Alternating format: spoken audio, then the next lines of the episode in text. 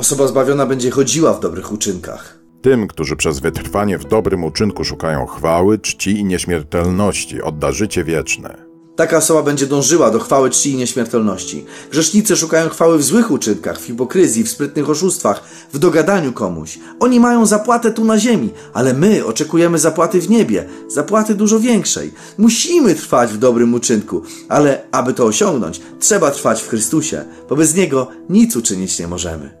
Jeśli będziecie trwać we mnie i moje słowa będą trwać w was, proście o cokolwiek chcecie, a spełni się wam.